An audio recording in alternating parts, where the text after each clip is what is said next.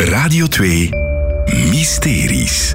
Met Brit van Marsenille en mysteriejager Kirsten Simons. Dag Kirsten. Dag Brit. Jij hebt een Napoleon-mysterie opgelost. Klopt, inderdaad. Ik heb het eh, mysterie opgelost van het bed van Napoleon. Oké. En dat is eigenlijk een eh, restaurant in Linde. Aan de Ah, dat is een restaurant? Ja, inderdaad. Aan de rand van een bos. Heel mooi gelegen trouwens hoor. Je kan daar mooi wandelen en fietsen. Maar er hangt een legende vast aan dat eh, bed van Napoleon. Dus dat restaurant heet het bed van Napoleon. Ja, klopt. Oké, ja. En eh, er gaat dus een legende dat in 1810 eh, Napoleon op prospectie eh, was in de regio Diest en Leuven. En hij raakte verdwaald in de bossen ehm, van Linde tijdens een storm. En op een gegeven moment kwam hij aan aan een hoeve aan de rand van het bos. Helemaal kou, helemaal verkleumd eigenlijk. Hij had ook honger. En hij werd daar binnengelaten door de eigenaars van die hoeve. Nu, Napoleon die had wel trek, maar ook, hij had ook wel trek in de dochter van die mensen daar. En hij is uiteindelijk met die dochter in bed beland. Nu, later bleek die dochter ook nog eens zwanger te zijn van eh, keizer Napoleon. En Napoleon die kreeg dat te horen en hij zei, kijk, ehm, je krijgt 500 gouden Napoleon-munten, dat was heel veel in die tijd, als die dochter dus zou trouwen met een ernstige jongeman. Wat ook gebeurd is. En het zoontje is dan later de stamvader ehm, geworden van een ja, rijke familie eigenlijk uit Linde.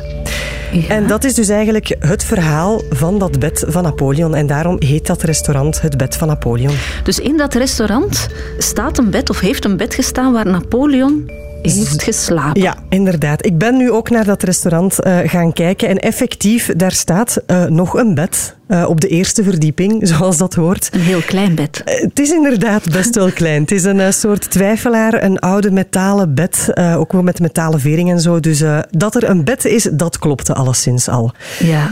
Maar dan, of de rest van het verhaal klopt, dat eh, ben ik eens gaan vragen aan Johan Op de Beek.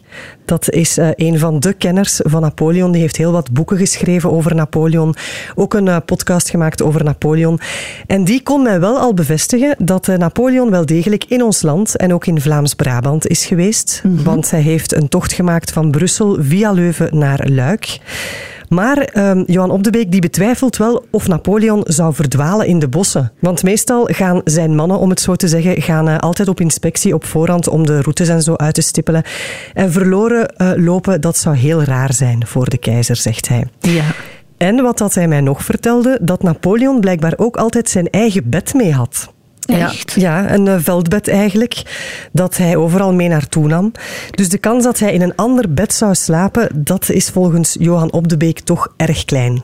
Ja, maar bon, als hij trek had in de dochter, is Ja. een veldbed misschien niet zo handig. Dat zou inderdaad kunnen. Dus heb ik inderdaad aan Johan Op de Beek ook eens gevraagd hoe het eigenlijk zat met dat liefdesleven hè, van eh, Napoleon. Want ja, die heeft eh, heel wat minaressen gehad in zijn leven. 60 heb ik mij laten Oh. vertellen. Ook twee keer getrouwd. En hij, ja, hij ging in heel wat landen, had hij heel wat vrouwen. Maar blijkbaar waren dat meestal vrouwen van een hogere stand. Dus volgens Johan Op de Beek zou hij niet zomaar het bed induiken met een boerendochter. Oké. Dus de kans dat er nazaten rondlopen van Napoleon in Lubeck wordt wel een beetje kleiner natuurlijk. Ja, ja, dat begrijp ik. Ja. Maar ik ben dat toch eens gaan checken op het eh, gemeentehuis van eh Lubeck. Daar ehm, was het de bedoeling dat ik het geboorteregister van 1810, want dan speelt de legende zich af, dat ik dat zou inkijken. Maar dat is blijkbaar in een brand verloren geraakt. Ai, ai, ai. Dus dat heb ik niet kunnen checken. Eh, ik heb wel gekeken nog in bevolkingsregisters van latere data. En ja, daar is nergens sprake van die naam Bonaparte. Dus er zijn waarschijnlijk geen afstammelingen te vinden. En zelfs het huis of de hoeve waar eh, dat alles zou gebeurd zijn, die bestond blijkbaar ook nog niet in 1810. Je verhaal eh, begon heel eh Het begon spannend, ja. maar het brokkelt een beetje af. Ja, het brokkelt een beetje af. Ik vrees eigenlijk ehm, dat het verhaal gewoon verzonnen is. Maar dan is de vraag natuurlijk, wie verzint zoiets? Hè? Ja? Ben je daarachter gekomen? Toch wel, want eh, de archivaris van de gemeente Lubeek die heeft mij een naam gegeven van een professor en een historicus, Ivan van den Bergen, die het verhaal zou verzonnen hebben. Dus ik heb die man eh, opgebeld en hij geeft dat toe. Hij heeft er zelf een verklaring voor. Dus die uh, man die woonde in de jaren tachtig in Linden. Hij zat daar in de plaatselijke volleybalclub. En een ander lid van die club, dat was Paul. En die had net een hoeve gekocht en die wou er een restaurant van maken. Mm -hmm. En hij zocht een naam daarvoor en hij vroeg dat aan, uh, aan de professor dan, Ivan. En uh, ja, de professor vond dat Paul toch wel wat weg had van Napoleon. Hij was wat kleiner, hij, was, hij had een bruine tint. En daarom dacht hij, waarom noemen we het niet het bed van Napoleon? Maar dan moest er natuurlijk ook nog wel een bed komen. En Paul dan, de eigenaar, die heeft ergens een metalen bed op de kop kunnen tikken.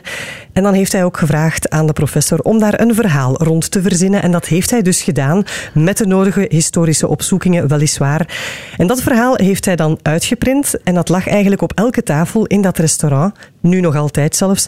En het was dus eigenlijk gewoon een marketingstunt. Maar wel, wel heel goed bedacht. Wel, het is absoluut heel goed bedacht. Want uh, de professor vertelde mij nog dat het waarschijnlijk zijn uh, meest gelezen publicatie ooit is. Oh, dat verhaal van het bed van Napoleon. En hij is natuurlijk ook heel blij en heel fier dat die legende nog altijd de ronde doet. Want er zijn nog altijd mensen die dat blijven geloven hoor. En hij zegt zelf, zo heb ik toch een beetje een steen verlegd met dat verhaal. Er is zelfs nu een podcast over. Kijk, kijk eens aan. Kijk. Dankjewel Kirsten om dit mysterie op te lossen. Graag gedaan. Meer mysteries? Volg alles in de Radio 2-app.